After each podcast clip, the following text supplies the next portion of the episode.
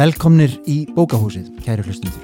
Þetta er sjötti þáttur. Við höfum komið víða við og erum hvergi næri hætt. Ég heiti Sverri Norland og er gestgefikkar hér í bókahúsinu hlaðvarpi forlagsins. Allt frá vísendum til ljóðlistar, skáldsagna til veruleikans, allt rúmasta hér innan vekja bókahúsins. Og fyrsti gestur, hvar skildi hann leynast?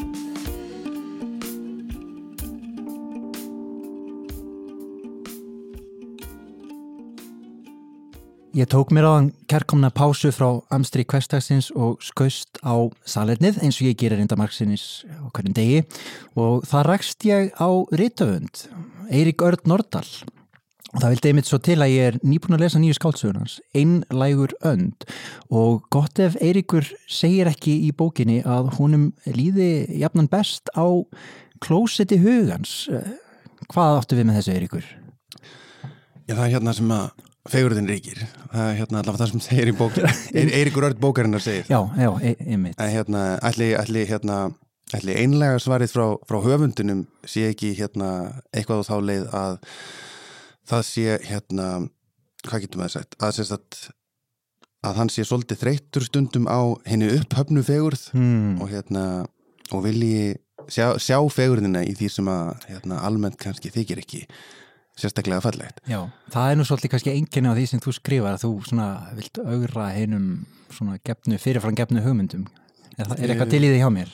Uh, Eða kemur það bara kannski svona ósjólarátt hjá því? Sko, í, það er sennilega bæði og sko, Já. hérna, ég hérna skrifa stundum í svolítið mótþróar öskun þannig, og það er hérna uh, og það er kannski til þess að finna svolítið hérna, hvað skal maður segja hérna Já, ég bara finna fegurðin í hennu ljóta það var einhvern veginn hérna mm.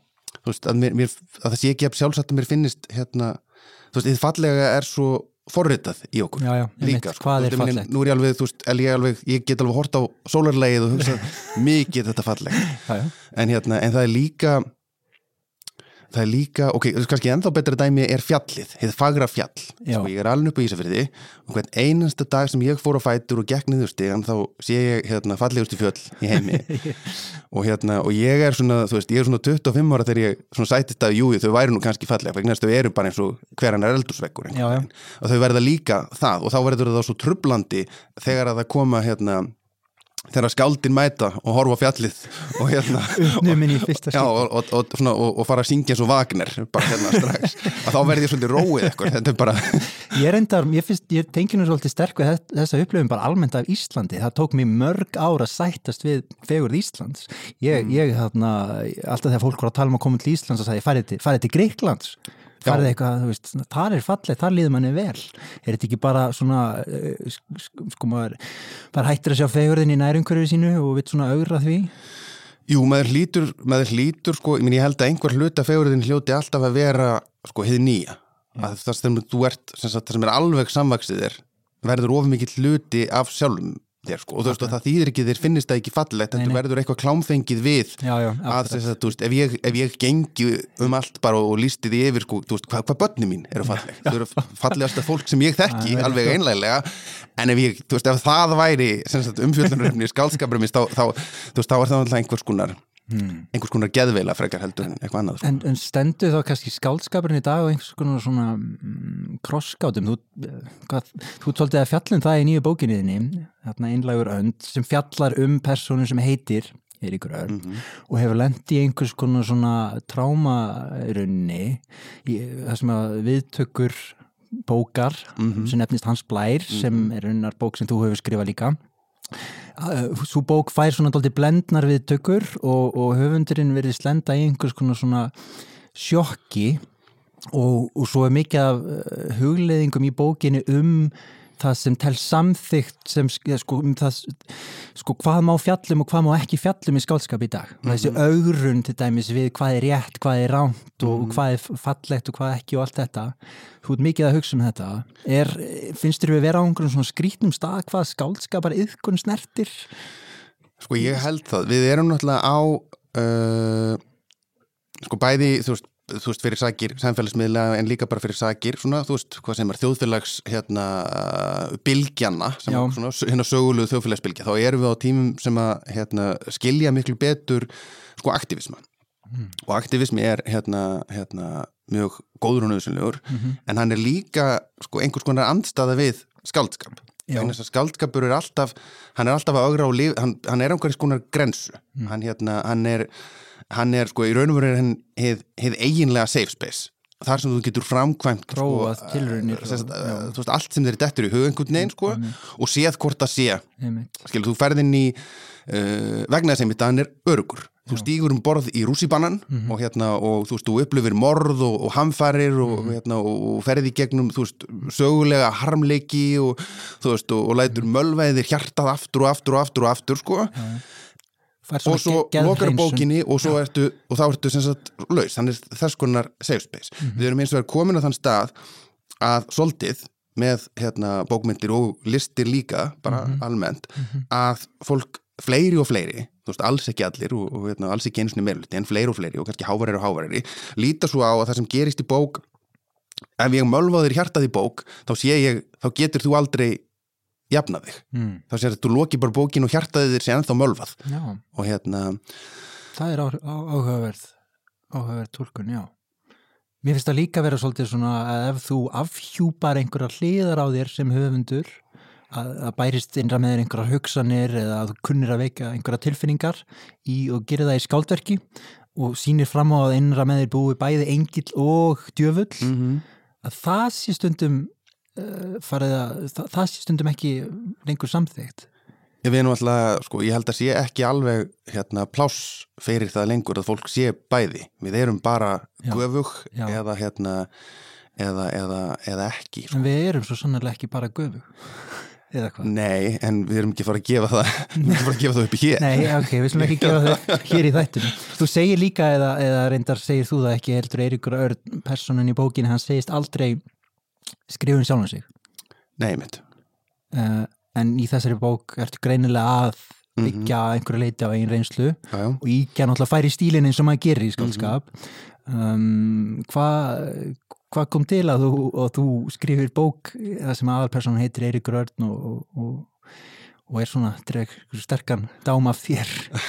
Sko, það er náttúrulega er, það er, það er tvent, það sem að sko, Eirik Rörn bókarinnar segir líka og, hérna, og ég skal bara taka undir með honum hérna er að uh, bækunars séu líka einhvers konar pervertíst form af sjálfsskoðun, þó þar fjalleggjum hann. Já, já.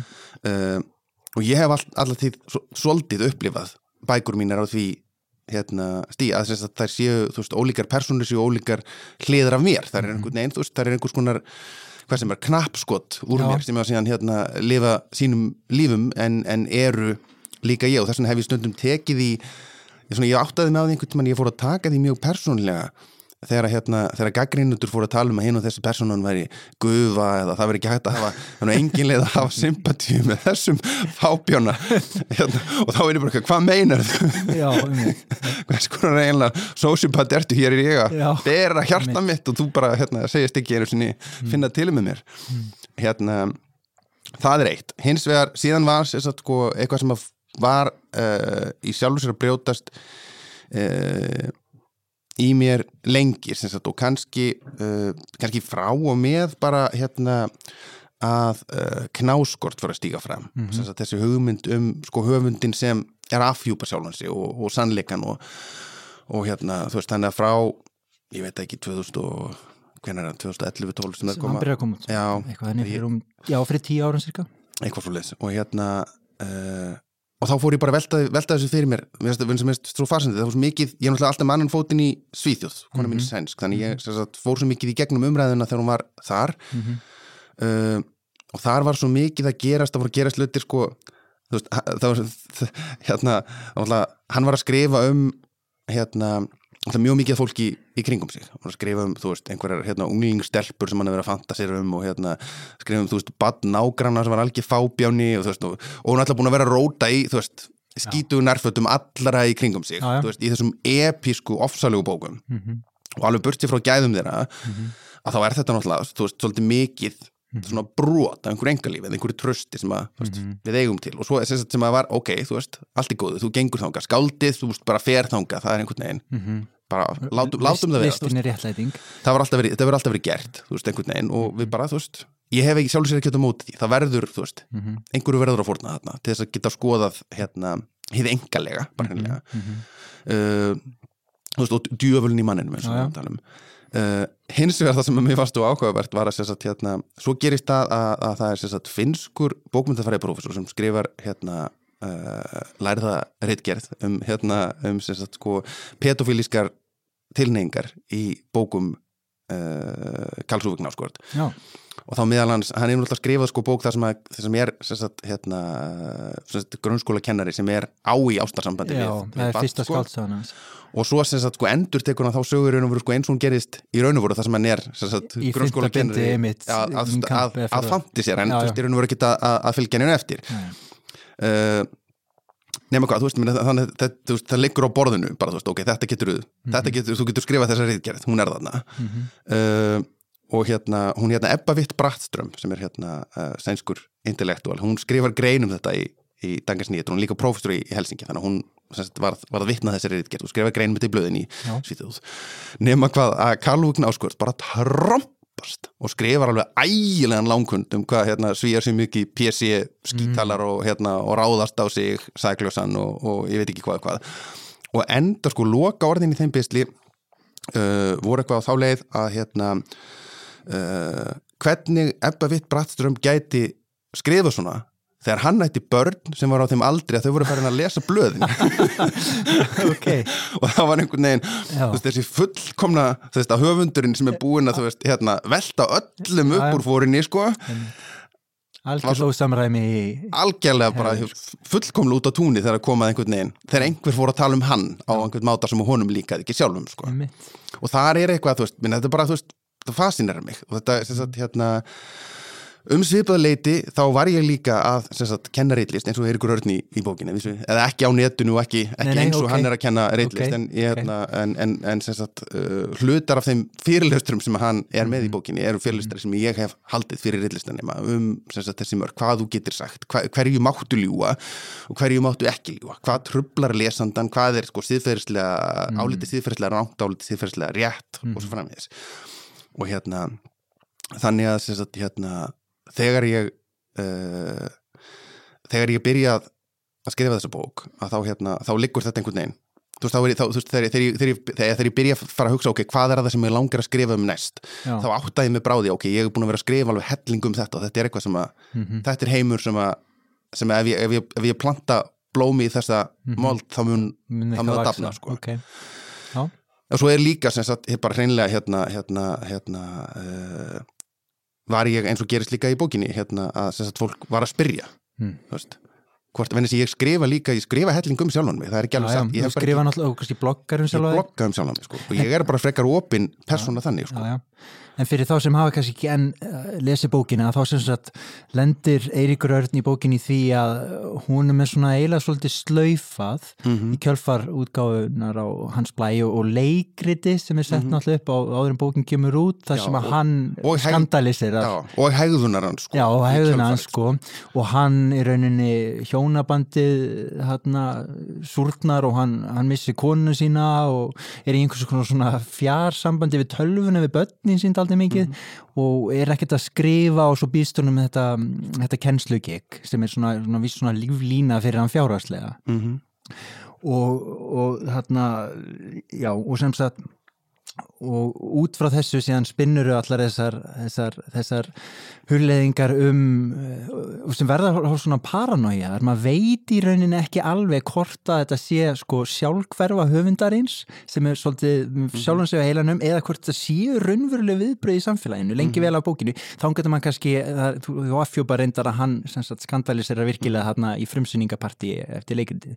En er þetta svolítið hluti af þessu þessi svona, að tala um þessa sjálfhverju höfundarinn sem er náttúrulega að velta sér upp úr sjálfun sér rosalega mikið og áttar sig kannski ekki á því að fólk e, e, hugsaður ekki mikið um hann Mhm. og hann gerir sjálfur. Og, og svo nefnir þetta dæma knóskart síðan og svo þegar hann er svona í rópandi mótsögn við sjálfan sig, hann er búin að nýðast á ýmsum í kringum sig og móðgar sjálfur í sambarlegum aðstæðum Sko ég held að hérna uh, uh, ástand sko það, það hefur kannski minna með það að gera að vera rítvundur heldur ástand bara hins, hins hvað getur þú sagt, hins, hins smánaða, hins ærulösa hérna, er hérna paranóið ástand uh, og þú þart ekki að hafa gert mjög mikið af þér Nei. til þess að það verði sko í fyrsta vegna snáttúrulega fer í sko þegar þú hefur gert eitthvað af þér þá fer í, í, í gang og þegar þú sem sagt áttar þig á því mm -hmm. þá fer í gang einhvers konar uppgjör bara, þú þart að díla við það sem þú hefur gert þú þart að, mm -hmm. þú veist hvort þú ætlar að gangast við því eða afneita því eða hvað þú ætlar að gera þá er bara þú veist mjög mikið ferli mm sem að, hérna, sem að, sem að þú þarft stanslust að vera að horfa á það einhvern veginn. Uh, og segjum þú veist, jafnvel þú sért segjum þú sért sko saklus jafnvel mm -hmm. það er samt, það er sama það er það sem þú, þú getur aldrei hitt neitt þú getur, getur enginn brosað framann í þig. Á þess að þú hugsir er þetta, er manneskin í alvörinu brosa að mér eða er þetta eitthvað er þetta, er þetta skítaglott eða er þetta bros?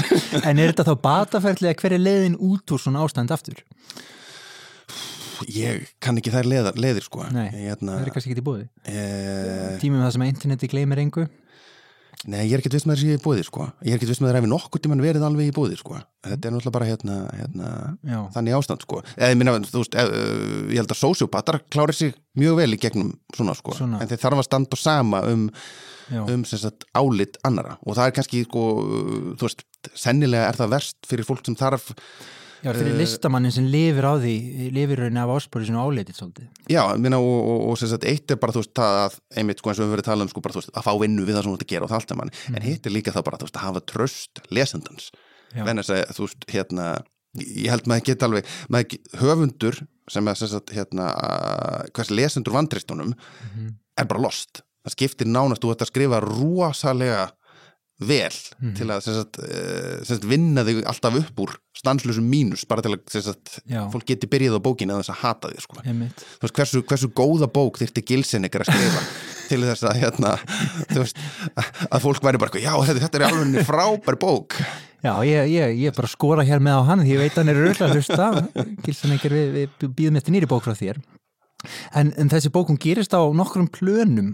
Sko, Eiríkur Örn er að skrifa þarna einhvern texta og, og, og sem er svona hálfur ósjálfráð skrif hvernig komponerar þessar bækur? Hvernig verður þetta blottar þessar hluti eða hvernig virkar hugsunni hjá þið þú veit að ræðis allir saman. Að því að það er hluti af kannski svona lestra skemmtuninni því hvernig mm. þetta ræðast allt þessi ólíku, þetta er raun á þremu plönum. Já sko þannig er hún alltaf uh, sko, já, þetta er hún alltaf, sko það er raun og veru sko það má jafnvel segja þessi fimmblun að það er náttúrulega, sko fyrsta leið er, er höfundurinn Eirikur Örn, Eirikur Örn að fantasera um höfundin Eirikur Örn. Og svo er höfundurinn hérna, Eirikur Örn í bókinni að fantasera um sagt, Felix Íbaka mm -hmm. sem er síðan að sagt, uh, skrifa rítgerð um uh, sögu skammar og smánunar hérna, sem er einnig saga inn í eða svona rítgerð inn í sögu, inn í sögu einmitt, og svo er þess að dóttir Félix Íbaka sem að hérna, skrifar sína eigin tegnmyndisögu um, hérna, Já, það er enda skemmtilegt. um, um sama, í raun og veru sko þetta eru sömu minnstur sem endur taka sig alltaf. Það eru þess að hérna uh, Er það svona leið til að horfa hlutina á ólíkum sjónarhóttum bara hjá þér og svona nein, búa jafnvel til svona núning í textanum Já, og sem sagt reynlega uh, sko sagan er náttúrulega öðrum þræði líka bara uh, uh, hérna hérna uh, um sko hvað sem er, flóttan inn í skáldskap og leið skáldskaparins til þess að segja sannleikan mm -hmm. og til þess að, að, að sko, til þess að segja sannleikan og afskarma sannleikan mm -hmm. sem er náttúrulega það sem að skáldskapur mm -hmm. gerir og það, það að geta farið nokkrar ólíkar leiðir í já. gegnum það ferli hérna, þú veist, er já mhm. einhvers konar leitun að uh, að leita að segja, hérna, sjóndeldring Ég er svolítið áhverð þess að segja á þann sko með að skáldskapurinn sé eitthvað svona svæði þess að við megum upplefa eitthvað og við erum samt örug, þetta eru svona sterka tilfinningar þess vegna horfum við á hryllingsmyndir mm. við viljum ekki sjá einhvern stungin inn í bíl, skiluru mm. en við sjáum það á kvítatjaldinu og fáum útráðs fyrir eitthvað svona frumstætt jafnvel Er það ekki, er það ekki svona svolítið þessu að hugsa um á hann? Jú. Ég, ég, ég er að hugsa um eins og, og, og þess að við erum að tala um með, með sko skálskapin hvað megi fjallum og hvað ekki og hvað maður ofinbyrja sig og þannig í dag. Ég er að hugsa svolítið um sko svona veikar og sterkar frásagnir. Mm. Það er mhm. alltaf meir og meir um veikar frásagnir í kringum okkur. Og veik frásagnir til dæmis bara þú horfir á einhvað sem er kallað stóri á samfélagsmiðli mm -hmm. og það er í raunin engin saga. Þú sérði eitthvað brot af sko Eirikur Örnir og Ljóðahátti í Bratislava mm -hmm. og þú ert alltaf eitthvað að skála svona einhver svona vottur af einhverju sögu, er eitthvað að Mhm. gerast en, en, en það verður engin geðhreinsun við upplifum ekkert stert með þér Nei. hins vegar í skálskapnum og eins og dæmis í skáldsögu þá förum við í þetta ferðalag Mhm. og þegar þú klárar söguna ef bókin er vel lukkuð þá höfum við orðið fyrir einhverju reynslu og við fáum útrás fyrir eitthvað og þess vegna er svo mikilvægt að það ekki að við megum kanna djöfulinn, mótsagninnar innra með okkur, prófa og gera svona tilraunir með það sem er rámt, það sem er siðferðilega vafasamt. Er það ekki svolítið það sem svona vaki fyrir þér uh, stundum þú ert að skrifa? Því langar að fá að kanna eitthvað sem er ekki alveg samþygt endilega að tala um þessuna. Já, mér langar hann á óþægilegu svæðin sko. Já. og, hérna, og það trublar mig þú veist, kannski langar mig meira inn að þau vegna þess að ég upplifi hérna, minna og minna þól fyrir því. Og, hérna, og það er ekki bara sko, uh, þú veist, kannski sko, það er ekki bara í, í einhverjum fullanarslist ég áttaði með því um daginn hérna uh, þegar hérna, það var að halda upp á rekjavökunna hérna, og, hérna, og ég sá bara sem sagt, ég heyrði af, af hérna, það varð vitni að, að sagt, hérna, hópi batna að horfa á hryllingsmynd Já. sem var ekkit hryllileg hryllingsmynd sko. En, hérna, en svo var bæði sko, það sem gerist, það bæði að, að ég áttaði með að hér er hópi batna sem er mjög ómisvanur því Mhm. að horfa á eitthvað sem er ræðilegt Mhm. Þú veist, þau bara hafa aldrei veist, þau hafa bara ekki séð það og hérna uh, og svo áttaði með á því sagt, hérna, þegar ég fór að tala við foreldræðira að foreldrunum þótti mjög mistægilegt að börnin þeirra hefðu verið að horfa Já. á hérna, hryllingsmyndir Ok. Og hérna uh, sérst, og þetta voru krakka minna, þegar ég að þessa á aldri við þessa krakka þá var ég búin að horfa mjög mikið að hryllingsmyndir þú veist, ég er alveg upp á nýjönda áratögnum það var Já, bara, þú veist, það var mikið ég var búin að horfa á alveg Freddy sex Krueger og Freddy félagar. Krueger og, þú veist, Já. og, hérna, og allt saman sko. Einmitt. og þú veist, minna, í, í, félagsmiðstunni minni mentaskóla, það var, að vísu, það var, það var gert stórmál út af því þegar fólk var að koma inn með hérna, með svona hérna, hérna sko hræðilegri hryllingsmyndir. Svona, hérna, svona, svona splattermyndir Já. og þannig dót sko. Og það var hérna og það var í vissu mikil herör, það var líka verið að skera upp það var verið að veist, hérna reyta vídeolegur og svona, það var svona drama hérna Ok. í gangi en, En má sem sagt- þetta ekki lengur? Ekki... Nei, þetta er alveg, sko, alveg langt í frá sko. Og, og sem sagt ég uh, er ekkert eins og við sem að krakka sækinni sérstaklega í það sko. en ég hef líka heyrt um, sko, ég hef bara beinlínis ég, sem sagt, hérna uh, þú veist, þekki líka, þú veist, eina móður til dæmis sem að söng mikið fyrir hérna barnið sitt, Mhm. en söng aldrei fyrir það í mól það var bara, þú er bara bústaflega, það var bara aldrei, bara syngja ekki fyrir barnið mitt í mól vegna það er bara, þú veist, það getur er bara ósorglegt. traumatiserandi. Það er ósorglegt. Já, það er bara, ég syng bara í dúr fyrir barnið mitt af því að það er gleðilegt Ok. og hérna Ég, og þetta er sko þessi, veist, þessi tilneing Já. er bara, þú veist, ég veit ekki hvar hún endar hún endar bara einhver svona Disney hérna, Já, þetta brinja börnin of mikið gegn heimin. Ég, ég var á já, fóraldrum. og, og þegar, þegar, þegar þú síðan rekast á eitthvað, ég, Já, ég, já, ég líti með að undirbúa börnum mín til þess að vera sjálfstæðar verur Já, já. Í, í, í heiminum, sko já, og síðan, sem sagt, sko, líti á fullanúslífi líka sem, þú veist, emmitt, þú veist, bara, þú veist, þetta endur tekna, þú veist, hreinsunarferli Já, já. til þess að ég sé ekki skítrættur við allt, vegna þess að heimurinn er ég, en, en ég vil fá sögurnar sem að, þú veist, já. Svona aðeins losa um þetta, já. Ég, ég var á fóreldrafundum daginn og ég var að hlusta á kennarinn, það var mjög góður fóreldrafundur og hún var að tala um hvernig maður ætti að breðast við gagvart börnunum og ekki segja þetta og ekki predika og spyrja og allt þetta og maður reynir alltaf sitt besta eins og emma bara mannlegur og ég fór að hugsa sko, vilja börn virkilega eiga fóreldra sem eru svona útreiknaðir og segja alltaf réttu hlutina og svo ferð út í veröldina og kemst að raunum að fólk er upp til hópa snar breyst og oft bara hálkir fíbl ég meina það er ekki að búa börnin undir að eh, sko, með, með því að fóreldrarnir hefði sér hefði sér þannig.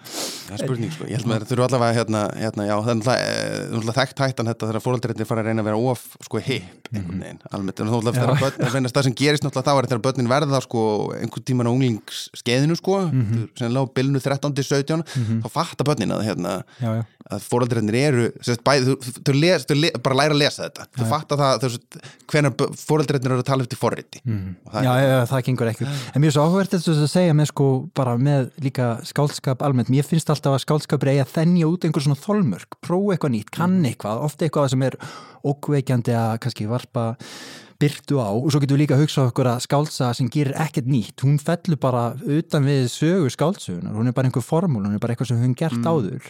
Og ef við megum ekki lengur lýsa inn í sko myrkrið innra með okkur af ótta við hvað kemur í ljós mm, þá erum við komin svolítið hættunar stað. Og ég skil mjög vel að þess á internetinu þess að við erum alltaf skráð inn undir skýrnarnafni mm, og það er alltaf tengt bengt við okkur Já. og orðsporið er svo mikið að- í húfi þá skil ég að fólk veiri sér við vissa hluti. Mm, og ég var um þetta að hugsa um að því þú byrjar að tala um þessar svona sjálfkörfi bókmyndir eða hvað við mann kallar þetta ég var að pæli hvort að þessi tilneyinga sem að fólk er alltaf að skrifa meira og meira um eigin reynslu sé einhvers konar afleiðinga umhverfinu í tölvunum sem við erum meira og meira í. Við erum alltaf einhvern veginn skráð eins og nótundur eru alltaf við sjálf mm, og þá fyrir kannski að vera ellett að við bara allt skálskapurinn frá okkur sé- komi bara meira og meira frá okkur sjálfum og, en skálskapur snýst svo mikið um að setja sér spór annara náttúrulega líka mm, og að einmitt rannsæka það sem er óþægilegt og slökka á, á skýrnunafninu þegar maður opna bókina og samþykja það ferðalag. Mm. en við erum kannski samþykjum ekki eins mikið lengur að gera það. ég, ég held við náttúrulega, sko, maður, maður, maður ætti náttúrulega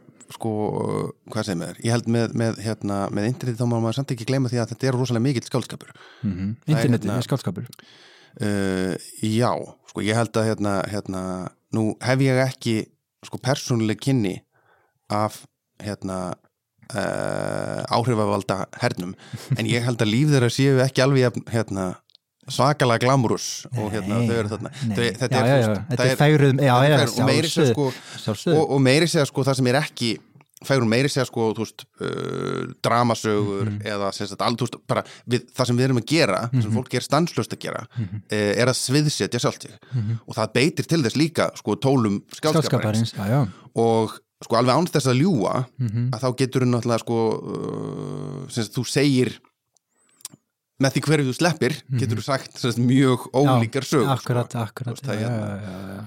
einmitt já, auðvitað er sviðsettur mikill skálskapur á internetinu, já, já. Þarna bókið þín sem kom út á undan þessari, nefndist brúinu við tangagötun og var svona hugljúf ástarsa þáldi Mhm. ólíkt því sem það er áður gert. Það er kannski, enginn er svolítið alla bækuna er, þú, þú reynir alltaf að fara á einhver svona ný mið, er það líka bara endurspeglun á því hver þú ert eða, eða þarft alltaf að augra þér á einhvern nýjan hátt? Ég held að það sé yfirlega það sem er mig langar sko. Já, að, ég, hérna, að ég hugsa ég hugsa mjög hérna uh, hvaða veist, hvað ég var ég ólíklegastur til að gera næst? Mm. hvernig myndur þú lýsa skálskapnu þínum í einu orði? er ekki bara þannig? Það sem ég var ólíklegastur til að gera næst. já, það er hérna eitt, í einu orði. Í einu orði? Já. í einu orði, jésús það er bara það ólíkleg, ólíklegt. Svoleiðis. Það er alltaf gott sko. Er upp á slíthundur þinn? áttu þið þannig?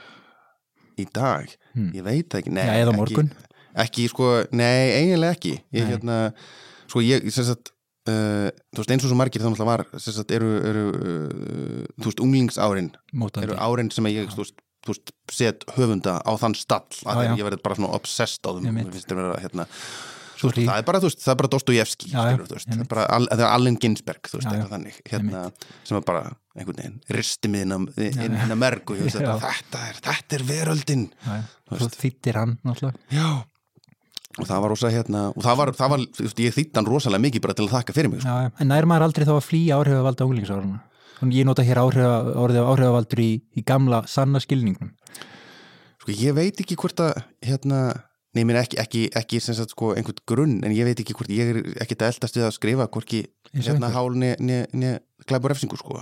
Hérna, nei, það kannski skýr ekki góður lukku heldur. Nei, og, það, og þú veist, ég minni, ég, veist, ég, uh, þar um, ég reyndar á tímum, sko alveg mjög lengi, þá las ég alltaf, hérna, hérna, þú veist, las, minnst eitthvað Steinar Dostojevski bóka ári, sko, en Já. nú, hérna, uh, nú ger ég það ekki nema þessi komin ný, sko, þannig að, hérna, þessi komið ný, er hann enn að skrifa kallin? nei, það er ný, nýjar byrðingar, hérna, eða eitthvað þannig, sko, þú veist, þeirra, hérna, það þarf að vera eitthvað sérstæð tiluminn til þess að ég geri það, sko, og ég les ekki Ginsberg heldur lengur, sko. Nei, en sækir eru þá kannski innblástur í önnur listform? Svo sem, svo sem sko ég bara, ég, veist, ég, meni, ég, ég lít svolítið á uh, bókmynd á listaneslu mína bara sem hvað sem er, sko, ég meni, ég er alltaf að, Mhm, að taka inn. taka inn, sko. Mhm. þú veist, uh, þú veist helst mikið og, og, og, og, og, og, og sko breytt svið. Og hérna, og ég held að það sem ég uh, framleiði, sé, þú veist, einhvers konar afleiðinga því sem ég innbyrði, sko Já. hérna, en, en hérna, ég er ekki ég er ekki sérstaklega hnit með það eða á, á leiðin í einhverja sérstaka átt í því sem ég, ekki sko. með, þetta. ég hérna, En hvað, uh, hérna, fyrir ekki að koma tíma og við styrtum niður og komum okkur út af þessu, þessu baðibergi? Jú, að standa hérna af sér lengi. Er þetta ekki, er þetta ekki búin að ljúka þér að bara? með hérna, síin enda þar hérna. Heyri, þetta er róttum í dýri. Ég ætla að þóða mér hendurnar og hérna, gaman að reka staðið þinn á barbyrkinu. Þetta kom alveg flatt upp á mig. Hvað? Ég er alltaf hérna. þú, já, þú ert hérna. Heyrðu, ok. Þá bara, þá bara veit ég að þér hér og gangið er við.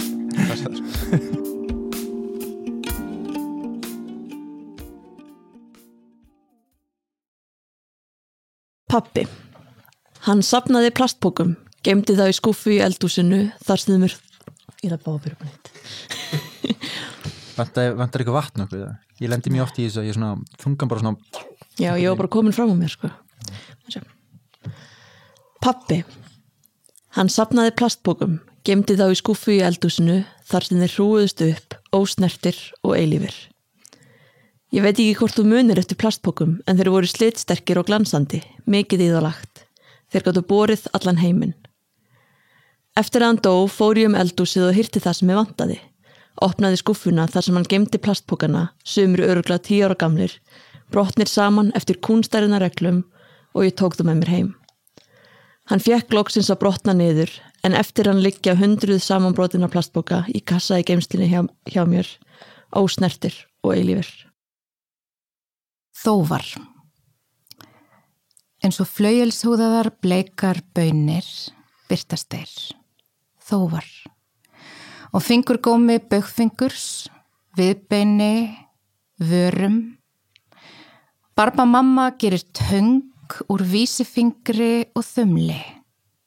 Klýpur, tógar, mótar eitthvað sem lítur út eins og lífarið sem sirgir. Það kom ljóska til læknis, sagði læknir, ég meiði mig hér og hér og hér og hér og hér og hér og hér og hér. Hann sagði, þú ert með brotið nafn, átta andlit og öll síkt. Rík nóðri undir rúmi með serjósaugu sem kallar með hennar eigin rött á konuna undir senginni. Það komi ljós bólka í lífærinu sem gleymir. Útfellingarnar eru fingur í sírópsári, börkur sem brestur í lófum, hríð af granathöglum fullum af sigurblóði og frægi. Stóri lognmánin yfir vatninu, mér að sé honum er hægt að gleima og kattarþáfum og því að ég sé svo sem er sér fótana af ánægu yfir þessu öllu. Það er engin lækning til við neinu. Og það eru hér þóvar, granadepli, tungl. Það eru sestar hinga til minn inn í konjakstofu bókahúsins. Það er Þorgís Helgadóttir og Eitís Blöndal. Báður voru að senda frá sér nýja ljóðabók, 80's sína þriðju, ég brotna 100% niður en áður hafa komið frá henni Tístu Bast 2015 og Án Tillits 2017. Nýljóðabók Þordísar nefnist Tantaka. Þordís er hlutafni kraftmikla höfundakollektífi Sveikaskáld og hún hefur líka skrifað smásögur sem byrtist í sapninu Keisaramörgæsir árið 2018 og svo kom út eh, sjá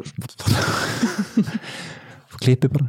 Og svo var sett á svið leikritið Þensla í borgarleikursinu er það ekki rétt hjá mér, 2019 mm -hmm, og, 2019. Þú, og þú varst hvað, leikskáld borgarleikursið það ár? 2019 eh, til 2020 Já. en afraksturinn af því ári er ekki ennþá komin á svið. Þannig þú hafðir skrifað leikritið áður? Já, uh, já sem sagt, mm. þensla er eldra og svo í kjölfæri á því þá sem sagt var ég hérna í ár skrifa.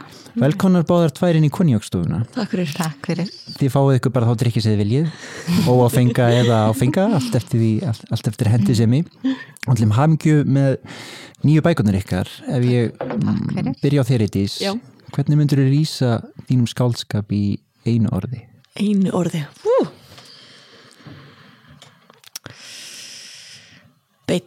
Beitt? Já.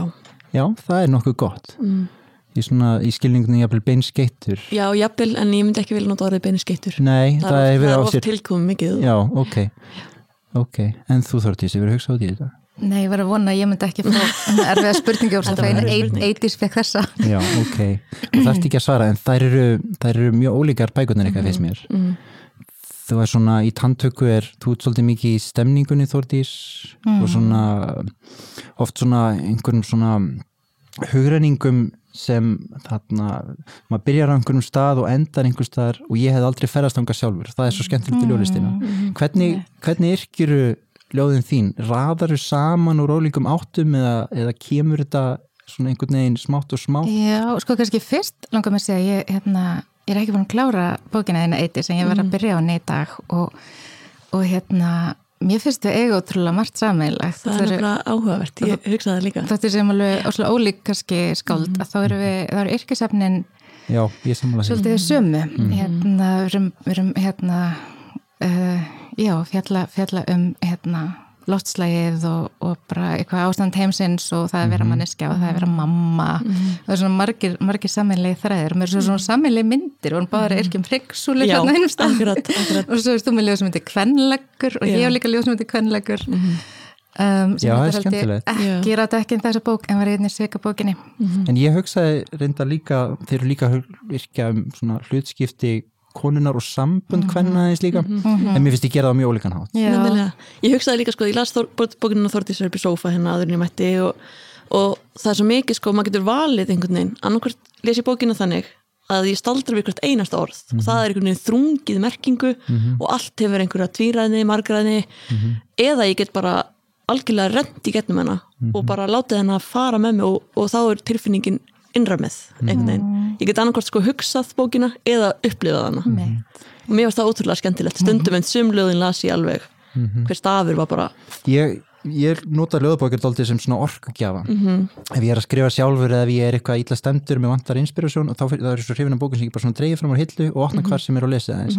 Og hann, hann Tór Viljónsson ömmubróði minn, hann talaði mynd um bækotinn sína svona, svo þannig ætti að lesa þér Einmitt. það var ekki hægt að lesa þær enda, Ei, það er svo sem hægt, margir gera það frá fyrstu síðu til þeirra síðustu, en mér finnst þetta að vera eitthvað svona sem bókin sem bók varðveitir svo vel.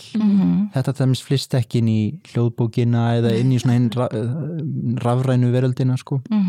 Akkurat, hljóðbókin er svo línuleg. Já. þótt að, þótt að við séum okkur ólínulegum tímum og allt hérna efni er, er hérna í bóði hvenar og hver sem er að þá, þá samt hérna er þetta alltaf svolítið línulegt á, á annan hátt sko, þú flakkar ekki og þú ert ekki að hoppa og og, og einhvern veginn svona stilling ljóðskáldsins sem er líka einhvern veginn hendur aldrei eins og ég var að hugsa með þig á hann það sem sko hvernig þú sem sagt, raða ljóðinum upp hvaðan þetta allt saman kemur.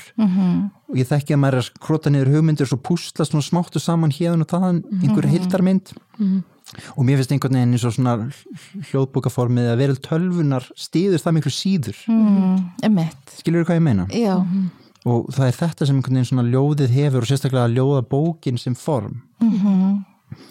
En hérna en, en já, hvað um það? Við ætlum nú ekki að, við ætlum ekki að sökka okkur alveg í þetta. Nei, ég hef líka eftir að svara spurningunni þinni. Já, hvernig var það að svara spurningunni mín? Þið eru ljóðskáld, það er, er svo erfitt að ræða þessu. Fólk að fyrir alltaf í kringum svo köttur í kringum heitan gröð Já, sorry með það, svona er þetta. En hver var spurningin? Ég er búin að stengleima því. Orðið, eða ekki?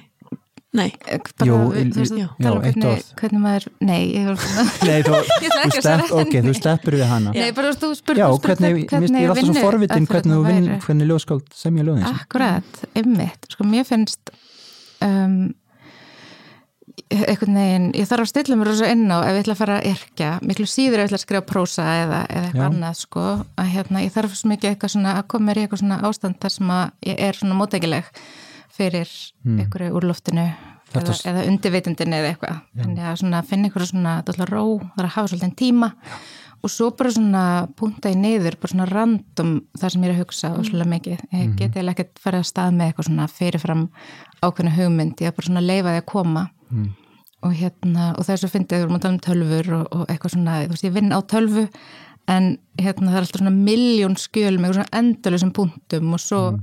Eftir tilfinningu þá er ég bara, nei, nei, nú er ég bara að loka þessu skjál og opna nýtt og svo er þetta ótrúlega kaotist ferli, sko, Mm. en hérna ég þarf alltaf svona svamla einhvern veginn í því og ég held að, þú veist, emitt, svo koma tengingarnar eða sem að finnur tengingarnar Mhm. einhvern veginn, þegar maður er búin að vera bara, þú veist, að dagdreim einhvern veginn á blæsjun eða svolítið tíma. Mm. að þá er eitthvað svona sem grýpur mér finnst það þetta er mistist ferli. Mér er rosalega Já. En þú byrjar ekki, þú ætlar að segja eitthvað ákveðið það gengur ekki, það er bara döiða dæmt frá Ok. ef En ég þú- reyni, ég hef reynd það, það Já, virkar það ekki. virkar ekki þannig. Ekki fyrir mig. En þú eitist, þú kannski ætlar að segja eitthvað stundum í ljóðinu Uh, já, það vil svona vera þannig en þá er mitt, ég finn mig oft að grípa mig við að þá er ég eitthvað svona að reyna að skrifa hérna, ég að koma þessu til skila. Já, og það verður alltaf svo rosalega svona patronizing, já, finnst mér. Þegar ég lesa svo yfir, þá er ég alltaf svona já, eitthvað. Predika sko, en hérna en þegar ég skrifa þá, það sem að gagnast mér langt best er sko að vera bara með dagbók eins og ég sé ennþá 14 ára, bara kæra dagbók í dag, Ok, talaði ég við mömmu mína. Mí, mí, mí, mí, eitthvað. Ég, ég einhvern veginn reyni bara að skrifa alltaf nógu mikið um eitthvað. Þú veist og ég er búin að skrifa einhverja skáldsögu sem er rosalega líleg og eitthvað svona. Og hérna og þegar ég til að settist niður að skrifa þessa bók þá var ég með fann ég alveg augljóst það sem er lág mér í hjarta senast mm nokkur árin hvað ég er búin að vera að skrifa um og ég ætla að finna eitthvað efni um það og reyna að finna eitthvað þema og, og einhverja þræði. Þannig að þú sest niður gaggjart til að skrifa ljóðbók Já, frekar heldur en að skrifa sko. Þess að ég það skrifa sapnast ekki hvenær sem saman er. eitt og eitt ljóð og þú svona Nei, hlaðið saman í póka og svo Nei. bók og... nei, ekki þessi bók allavega. Þá hérna var ég komið með þetta umfyllunarefni og svo dálítið svona fyll í eðunar bara með flettikettum það sem ég er búin að skrifa senstu ár. Mhm. og hérna og uh, mér varst það mjög skemmtilegt. Þá svolítið fæ ég að rittstýra sjálfur mér af því að, að það sem ég skrifa hérna í dagbúkina mína skilur það er rosalega rátt og ómerkilegt og ekki ljóðrænt og Mhm. það er bara eitthvað. Dagbókin er aðeinslega sko. Ég Það er- elska að skrifa í dagbúk Já, ég líka og bara að lesa Já. Þetta er svo hrátt og svona spontant Mhm. form, skissur. Skrifað þú dagbók Þórdís, Mm, ég var svona on and off Já. Ég- hérna, ekki skipulega. Nei, en, en hérna þú veist, maður er alltaf í tölvuna þá gagnast mér svo að vera bara með þú veist, eitthvað opið skjall sem heitir bara mm. En þú þú veist, skrifar alltaf á tölvuna nei, nei, líka út um allt sko. Út um alltaf veggina og já, handleikina Já. og, já. Ok, Mhm. en ég, þú sagði hvað var orðið svo notur á hann, beinn. Beint, Já. beint. ekki beinskeitt eða svona, svona umbúðalausti líka svona, heldur það sé fyrstu ljóðin sem þú byrtir, byrtir dálítið á netinu eða ekki, Jú, það var á Twitter. Já, heldur það smítist út í stílinn, Já, að hugsa um netið sem byrtingar stað já, hlýtur að vera. Og hérna, og maður svona reynir að skrifa uh, út fyrir sjálfum sér en ekki eftir vendingum lesandans einhvern veginn. Um, en ég finn mér stundum að, að hérna, þá er ég svona komið með einhverja ímynd sem Já. svona internetljóðskald, ég veit það ekki. Og hérna, Er það kannski líka bara aldurinn, er erfitt að forðast að fá þann stimpil? já, nákvæmlega. Ég líka hugsa með þessa bók, það er svo erfitt ljóðin eru lengri, ég get ekki lengur byrt þau bara á Instagram og fengi snögg viðbröð þau kveiki ekki, þau eru öðruvísi sko. þannig ég hef svona ströggla við að hvernig að kynna bókina, því ég er svo vöni að hafa bara svona Já, stutt, já, já. sniðugt, eitthvað grípandi, En Það er hættulegt þetta að þurfa að fá þessi snöggu viðbröð af því að, Nefnilega. af því að ljóðin eru náttúrulega raunin þannig að þau, eigi, maður á ekki að sína þeim endla viðbröð strax og þegar svona lifa upp. Þau eru raunin svolítið svona mótsögn við umhverfið sem við búum dálítið í akkurat Í ég meitt, þú veist, einmitt sagði mig frá Twitter heiminum fyrir nokkrum árum og eitthvað svona. Já. þannig að núna, einmitt, þegar ég skrifa þessa bók þá, þá væri ég dálítið svona, ok, Eydís, þú mátt skrifa eitthvað aðeins innihaldsríkara og, og flóknara og eitthvað sem þarf fleiri ljóð til að segja frá og Mm. eitthvað svona. Það var ákveð þróskaferli Ég sakna auðvitað á Twitter. ég vil að nota Twitter meira og meira, með dreymir um að gera hérna, smásög og byrta á Twitter.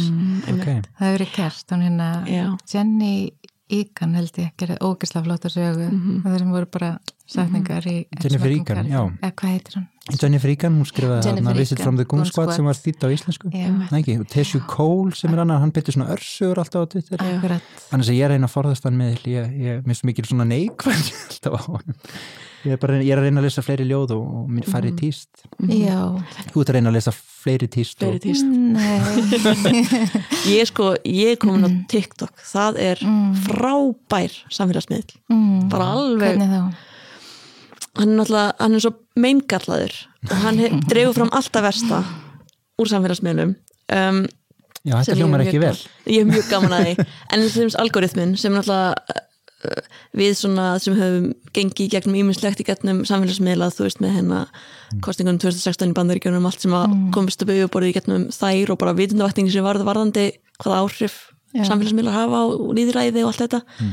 Um, og á TikTok er algoritmin alveg styrlaður þú veist, Já. ég fannst um TikTok sem eru bara ert þú dökkhærð, late 20s kona sem er nýlega greint með ADHD og átt eitt barn og ég er bara já, þú veist. Ég hef ekki taugar í að fara inn á þetta sko. Já, en, en það er sann svo ótrúlega fallið því þá fæ ég sko, þau TikTok sem ég sé eru eitthvað sem að vekja mig vir, veist, bara fólk sem ég líkar virkilega vel við og eitthvað Já. sem vekja mig virkilega til umhugsunar og alveg slæra alveg á hjartastrengina mína sem ég ætla að gera mig grein fyrir að sé fullkomnast galið sko.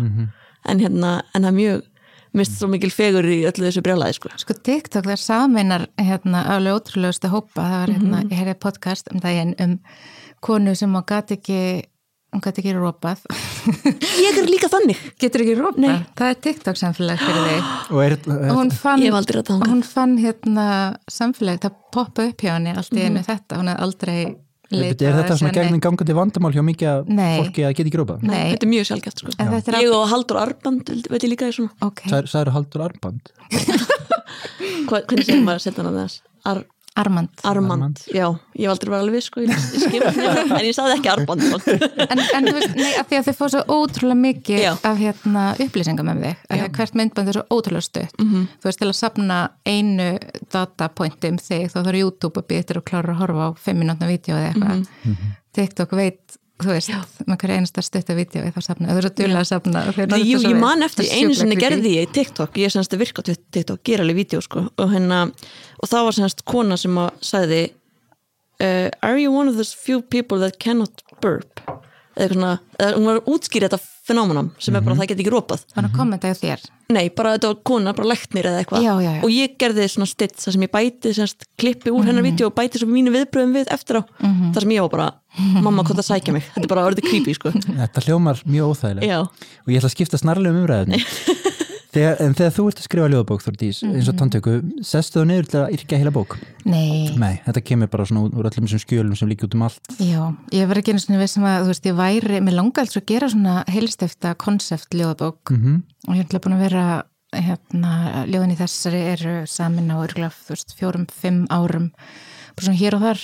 Já, og ég held að þetta væri, þú veist, ekki bók af því að ég, það væri svo sundurlaust eitthvað og þú veist, og svo gafst ég bara eiginlega upp og það bara ekki ok, þú veist, ég er að fara að gera konsept ljóðabók bara setna, þannig að ég tek bara það sem ég á núna. Og svo náttúrulega kemur alltaf í ljós að það eru svo miklu þræðir og það er svo miklu tengingar. Þannig að þegar ég fór að láta fólk þú veist að setja allt saman og láta fólk lesa og svona, þá hérna já, funkar þetta miklu betur sem held heldur en ég held og svo þú veist, náttúrulega tók ég eitthvað út og setti annað inn í staðinn svona til að eitthvað neginn búið til heldina en og, og þú ert í hérna, skálda kollektífinu Svika skáld já, þið voru líka að gefa út skáldsögur reyndar. Jöp Ólía, sem þið skrifuðu saman. Já. hvernig er það þegar þið eruð að skrifa? Eru þið mikið að henda öllu sem þið skrifuðu á millikar eru þær vinna þær með þér eins og dæmis ljóðabókina, í um, einhverju leiti já, að þá lesum við svona yfir hverju annar er bara svona eftir þörfum. Já, sem er rosalega gott, hann er svo gott að vera með góða lesendur.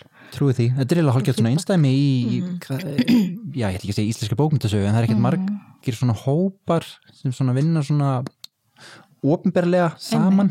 Þetta lítur að vera mikill styrkur, skemmtilega. Já, algjörlega, við erum supergrúpa já, þið eru það. Já, þannig að og, og svo skrifuðu þess að skáldsögu ólju er, eru þið þá að skiptast á að skrifa kaplaði hvernig verður þetta til?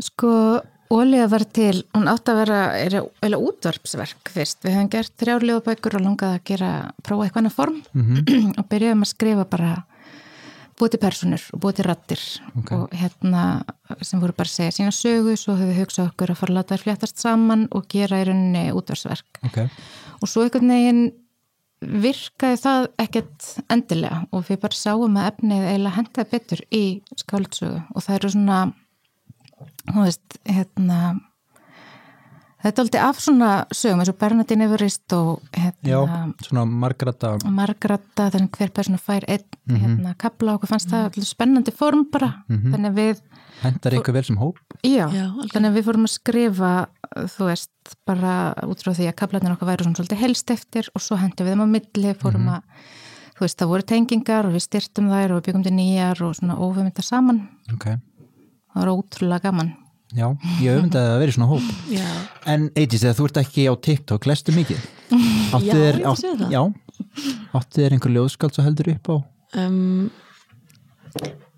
þú veist, ekkert sérstaklega sko Nei, Ég les líka ekkert mikið af ljóðum Nei, þú lest ekkert mikið af ljóðum Nei. Hvað lestu þú helst?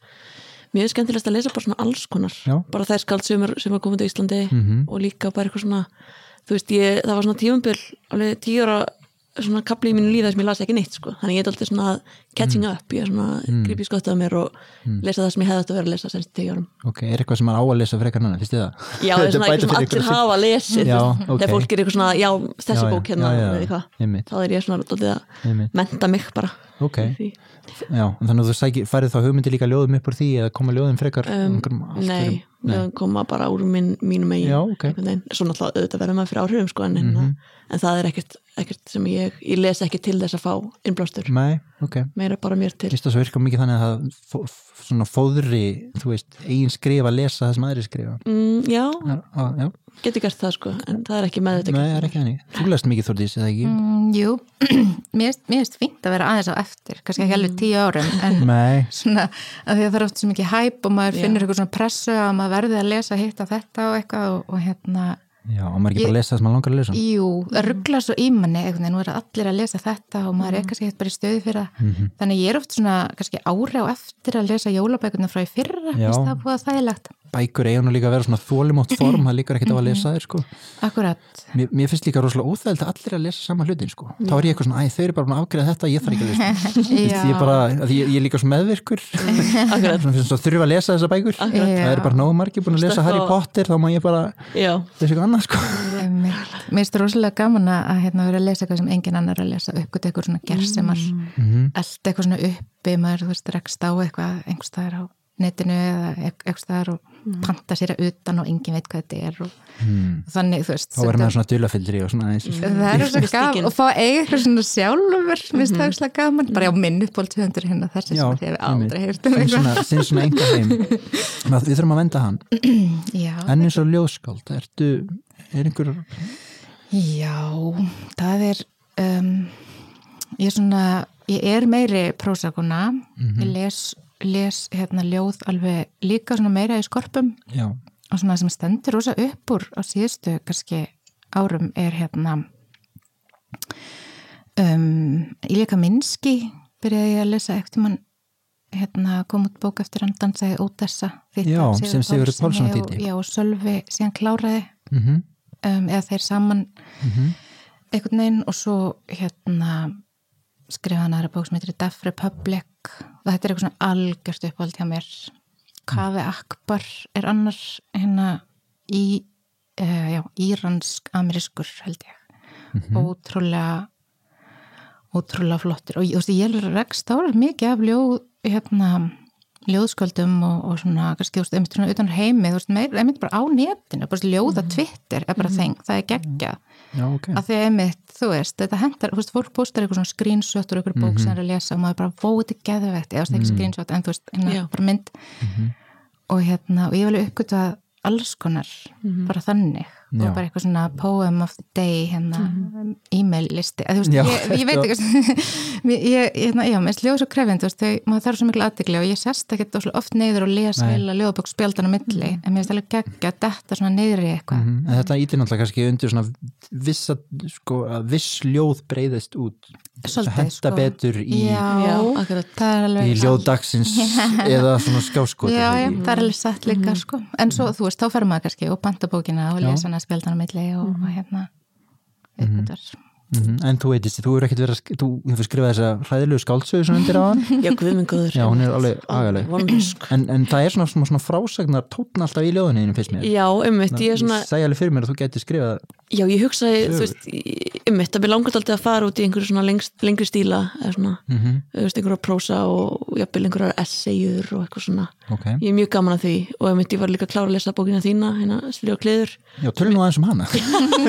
Nei, en veist, en það er svona að þetta er svo, þú veist, þú ert að tala út frá sjálfu þér og, en ert samt að koma inn með eitthvað, einhverja pælingar, eitthvað he- heildrænt og eitthvað sem er eitthvað viti í, sko, og hérna, og það fannst mér svona alltaf skemmtilegt að lesa það og einhver svona valmöðuleiki sem að ég geti mögulega íhugað, sko. Já, ok, það var spennandi. Mm En þú Þórtís ætlar að skrifa fleiri smásögur? Mm Já, Já, ég er með alls konar í gangi, það kemur annars másagnarsefn ekkert í mann, kannski á næsta ári. Ok og skáldsaga, leikrið og konar Já, ok, spennandi. mm. það er fullt í gangi Heyrðu, ok, þarna, hjartans takki fyrir að koma og spjallaði mér, mér sínst þér að tæma og glös, tæmast og glösunum ykkar. Já. Viljið þið ábútt, hvað varst þú með Þórdís? Konjak. Þú varst með konjak, en þú veit ís. Já, með hérna bakteria vatn Ok, heyrðu, skeng fyllið á glösin og, og njótið aðeins stemningarnar hérna í, í konjakstofu bókahúsins og takk fyrir að spjallaði mér. Já, takk Takk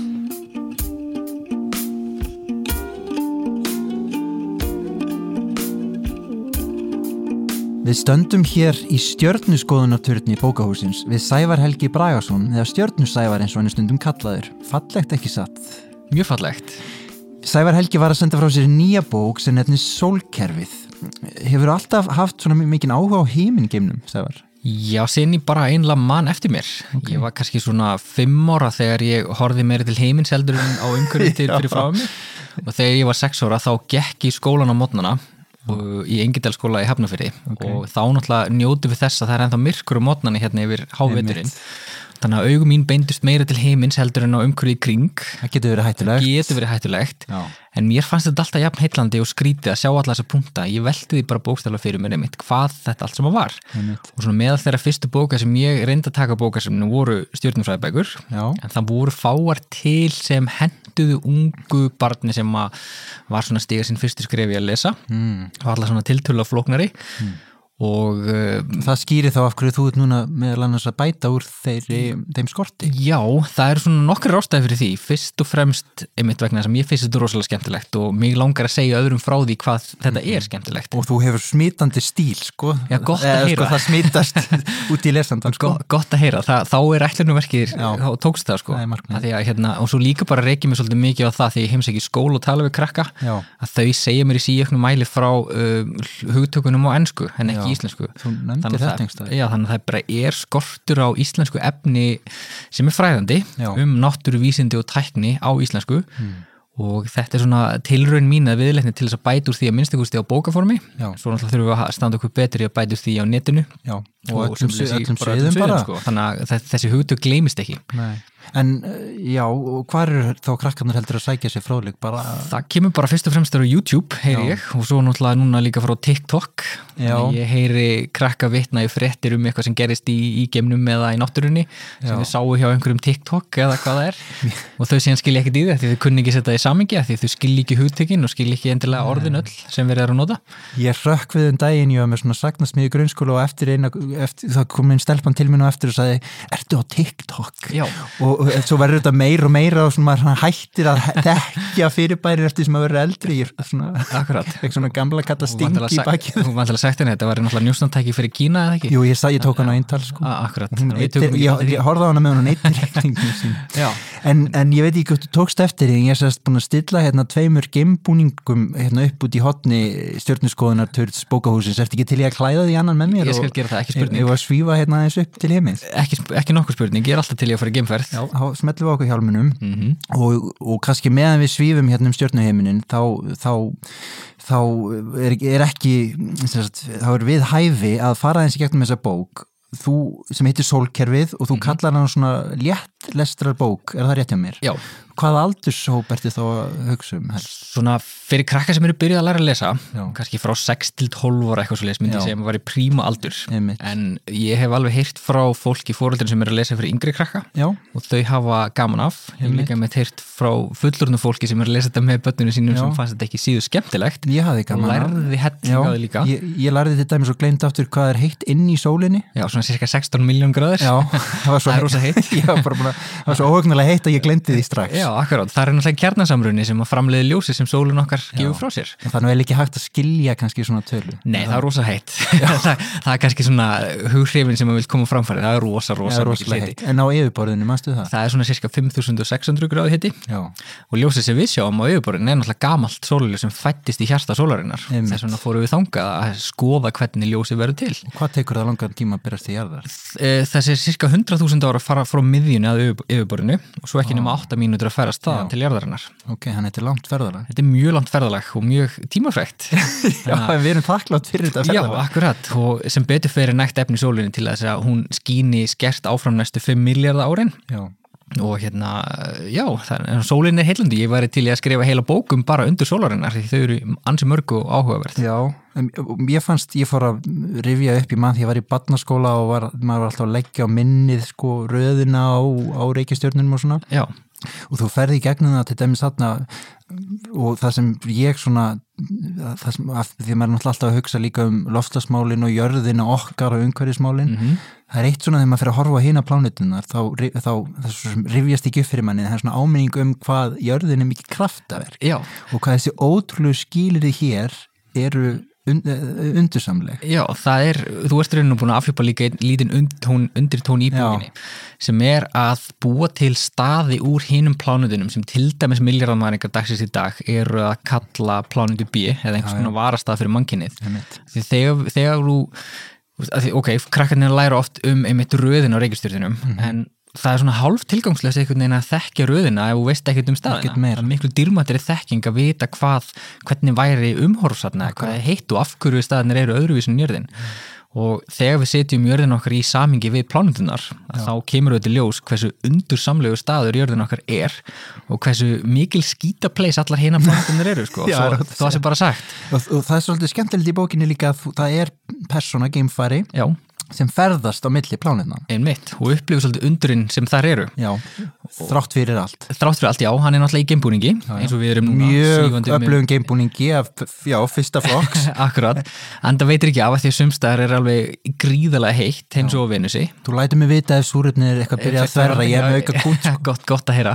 Og svo náttúrulega nýstingskallt bara eins og Neptunusi og, og þessum útvörðum sólkerfisins. Mhm. og svo eru staðar þar sem þingdakrafturinn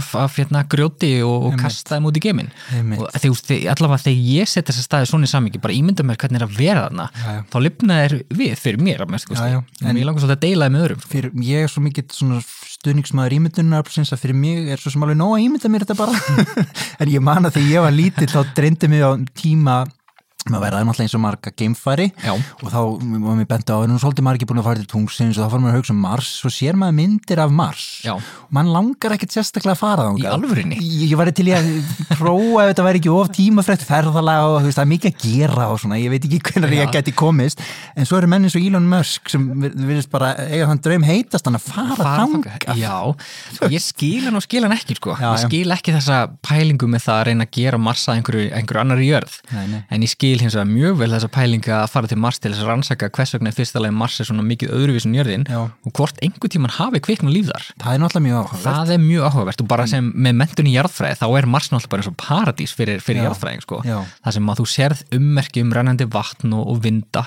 Já. þú sérð hvernig eldfjöld og jöklar hafa móta landslæðið, hvenar gerist það? Af hverju breytist hann svona mikið? Af hverju er hann svona miklu öðruvís en jörðin, jörðin er? og þetta er svona, það, það er það sem dregur mig þangað þannig ég skil aldrei neitt sem vil ekki til Mars. Nei, ég var alveg til í að kíkja ég, en, en, en sem sagt þetta, það er nú alltaf raunhaft að, að búa til eitthvað svona, nýlöndi þar sem væri svona, það sem væri ljúft að búa. Hvað Nei, um það? ekki eins og staðan er í dag þá er svo tækni langt, langt, langt inn í framtíðina. Já. og okkur er hotlast enn sem komið er að hugsa bara um þeimin betur um jörðina. Já, en, get, en hvað um hinar reykjastjörnunar eru það Þær eru verri ef eitthvað er sko. Það ég veit ekki. hvort þið muni eftir plánundinu Bespin í stjörnustríði hérna Empire Strikes Back. Jú, það var svona skíaborg það er möguleiki á að reysa skíaborg til dæmis í loftjúpi Venusar.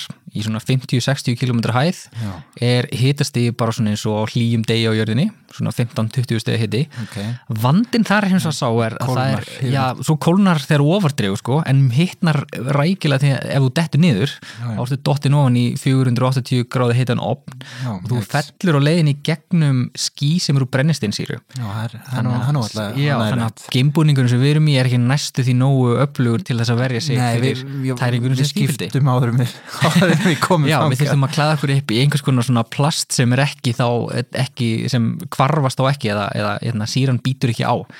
Þannig að geimbúningarnir sem við myndum nota á Venusi væri alls, aðeins öðruvísi heldur en þeir sem við notum til dæmis á Mars eða fyrir ofan jörðina. Já, Okay. Þannig að þetta eru áhugaverið staður. Þetta er, þú, þessi bóki krökka af svona áhugaverðin staðrindum og, og náttúrulega ekki síður fyrir fullorðið fólk sem er kannski ekki alltaf að svífa um heimintólunni í huganum sko. Nei, nei, en, en ég trúi því einlega að flest allir hafi svolítið áhuga á þessu að þetta er svona svo ókunnir staðir og þú veist, við erum bara þannig gerða að við viljum svolítið gæjast handa með hólun og sjá hvað leynist fyrir aftan Já. og það á ekkert síðu við um reykjastjórnunar þannig að með því að setja þér í svona já, samingi þar sem við ímyndum okkur svolítið hvernig væri að heimsækja þessa staði. Mhm. þá finnst mér þeir allavega að lifna við og kveiki svolítið Já. og ég, maður svona líka reyna að draga fram þá mynd í bókinni. Mm þú, þú er búin að gefa út hvað, fimm bækur alltaf á ferðum geimin Já, ekki? það kom tími til að fara snúa til Nú aftur. þetta jarðin, þú hefur nú reynda gert það náttúrulega í sjónvarsþáttunum eins og hvað hefur við gert og hvað getum við gert. Það er nú ekki eins og sért alltaf út í geim. Nei, en hefur, meira um, um jörðina og ertu þú náttúrulega meðvitaðir og virkur í umhverfis baróttinu því öllu? Jú, jú, uh, þetta er svona hlut fyrsta bókin í léttlestrar flokki sem við erum að koma á uh, fót. Og næsta bók í þessum flokki fjallar einmitt um umhverfið. Og fjall, hún fjallar eiginlega um það hvernig okkur tókst að leysa erfið umhverfið vandamál Ok, og með það, með því langum við til að tala við til fóreldra líka Já. um að þegar þau sjá börnin sín einhver allavega mögulega kvíðin fyrir framtí framtíðinni og út af einmitt umhverfis umræðinu og, og málunum sem við erum að glíma við já, að þá höfum við frábært dæmi sögunni þar sem okkur tókst einmitt að koma í vekk fyrir frekari skada Gati og hreinlega- til, til dæmis gati í ósonlæginu til dæmis með því líka banna, banna blí Já. í olíu og hérna málingu og leikfungum um, svo sömulegis hvernig okkur tókst að hreinsa loftið og hreinsa vatnið. Og þetta er allt saman bara góðar sögur um það fyrsta leik hvernig vísindamenn uppgötuðu vandan og fólk náttúrulega upplýðu vandan í kringum sig. Fáir hlustu á viðvaranir, viðvaranir vísindamanna en svo tókuðu þau að lókum þau til sína því að það var bara ekki tægt að afnita sönnunargöngum lengur Nei. og löguðu vandan og í leiðinni varð heimurinn bara betri þannig að lausnina sem við erum að leita eftir núna og vitum að er til nú þegar Já. leiði allir til þess að heimurinn verði betri. Þannig að næsta bók fjallar akkurat um þetta þar og eftir verður eins og bók sem fjallar líka um geiminn þar sem við ætlum að fara út fyrir sólkerfið. Já, þú er búin að horfa langt fram í tíman já, já, já, hann er ég búin að teikna upp svona nokkrar næstu bækur sko, og um flestar muni gerast á jörðinni. Ok, og þá ætlum við líka að flakka aftur í tíman skoða jörðinni eins og hún leitt út fyrir óralöngu síðan og skoða einhver framandi dýr sem voru uppi á jörðinni fyrir kannski 200 miljónum ára og, og eru ekki risaðalunar þar að segja. Þetta er af öðrum áhugaverum dýrum þar. Þannig að þú ert markvist að byggja upp svona einhvern bálk fyrir Já. krakka til Einmitt. að kynna sér þessi mál öll sem er náttúrulega bara allt í rauninni kringum okkur. Sérst á íslensku Mhm. þannig að þau, einmitt, hafi aðganga að því Já. efni á íslensku og ekki bara krakkarnir heldur líka fullotna fólkið þess að sagijarðar er rosalega heillandi æfisaga og hér hafa verið uppi mjög furðulegar og skemmtilega dýrategundur á plánutu sem var mjög framandi fyrir okkur ef við getum nú farið aftur í tíman Sumulis ætlum við bara fara að skoða eldgós og jökla og hérna, spendýr og skriðdýr og ár og stöðuvötn og bara allur almenunur undir. Ég held að það sem virkir svo vel í nálgunni hjá þér oft er að þú ert að tala um oft einmitt erfið áskoranir og svona en með forvitnina og þennan svona krafta leðaljósi, einhver svona kvartningu Já, pínu ástriðu sko. Já, ástriðu bara einmitt, ástriðan er náttúrulega eldsnitið sem Ég, það drifur minn. mig. áfram já. að því að mér finnst þetta innilega skemmtilegt og mig langar, þú veist, þetta er svona eins og þegar maður er ástfangin þá vil maður segja, hrópa þeir allan heiminn. Og mér líður svolítið þannig þegar ég er að skoða náttúrun og undrin bara, þú veist, að lappa upp að eldgósunni til dæmis núna í Mhm. fyrir á þessu ári, þú veist, bara sjá allt og fólk að vera að upplifa sama náttúru undir og sama tíma þennan brjálaða hita það er bara allt í einu gati í jörðinni sem það sem kvika glóandi heitir að skapa nýja jörð Einmitt. og stundum þurfum við kannski bara að opna augu fólk með því að setja í eitthvað starra samingi Mhm. og byrja svolítið að spyrja spurningan þess að kveikja forutnina en svo, er það náttúrulega kannski líka þannig að ótti við allar þessar áskornir hlýst náttúrulega oft að einhvers konar ráðaleysi eða, eða vanþekkingu eða því að fólki líður eins og það geti ekki gert neitt. Einmitt. Og, og þá þarf náttúrulega að varpa ljósi á áskorinnar einmitt, eins og þú gerir nefna það sem við höfum þó gert það sem við getum gert. Akkurat. og þá vext fólki held í ásmegin er bara ekki nokkuð spurning. Það er bara valdefli mann í raun og veru að sjá það að okkur hefur áður tekist að glíma við og, og leysa eru vandamál. Já. og við höfum öll tækin og tólinn til þess þannig eftir hverju eru við að býða Rötum við aftur til jarðar. Er, er hún ekki hérna einhvers Jú, stað hún fyrir er hérna sjöfundi, við erum að það sem er gott að fara út fyrir jörðinu til að sjá hana og setja henni í starra samin Einmitt, hún er þessi litli debill hérna Já, að að hérna, það hvernig við stundum ætlum að leysa hann að vanda, hann svona ber oft merki um svolítið rörsýni sem við höfum, við erum ofta frekar að reyna að setja plástur á vandan í staðis að reyna að lækna sjúkdómi. Það er rétt og sjáðu þarna neyri hvað hún er lítil Hún er þegar við erum konir í þessa miklu fjarlæg Já, hún er einmitt agnar, agnar smá. Agnar smá. Og þetta er náttúrulega þessi hughrif sem geimfarnir sem fóru til tunglsins fengu, þeir sáu jörðina í heilsinni sem plánunduna sem og hún er. jörðin, no, nei, og mannkinni í fyrsta skipti Akkurat, og ekki bara mannkinn, heldur líka bara allar lífurur sem að þrýfast á saman tíma og sem frábæra netti. Og geimfærinni taka eftir hvað lofthjúburinn eru ör þunnur Veist, hvað það þarf í raun og veru lítið til þess að breyta andrumsloftinu okkar og setja lífið í stór hættu Mhm. og þegar maður segir fólki að ég meina bara kæliskopunir okkar fóru næstu búin að eyðileggja eina, eitt mikilvægasta efnið í andrumsloftinu okkar Mhm. Já. og það þurfti ekki meira til sko. en við listum það með glæsi brak þannig að við berum ábyrg sem þessi dýrategund sem mótar allt lífið á jörðin bara ekki nokkuð spurning ég, ég hlakka til að, að hana, fá fleiri bækur frá þér þú skalt vísa mér vegin að því að þú þekkir betur til hérna. Já, það, það er ekkert mál sko, við erum á valdi þingdakraftsins Ok. og ef við bara tökum stefnuna heim þá dettum við til jarðar á endanum en, ef við við, erum að nýta okkur eldflöðnar þannig að við nýkum okkur pínleiti frá Já. þá skjóðust við burt. Þannig hvort þú fara heim eða ég er alveg til í að fara heim. Já, ég Þá- kaffibólla. við- bara nýta okkur þingdakraftin og okkur detta til ég jarðar ætla að treysta þér ef ég verður viðskila við þig þá sendur út neyðabóð þú ert komin eftir til Reykjavíkur. nákvæmlega. En það er reyndar, spurning hvort þið getur sótt þig. Það er spurning, ég vonu það besta. Takk fyrir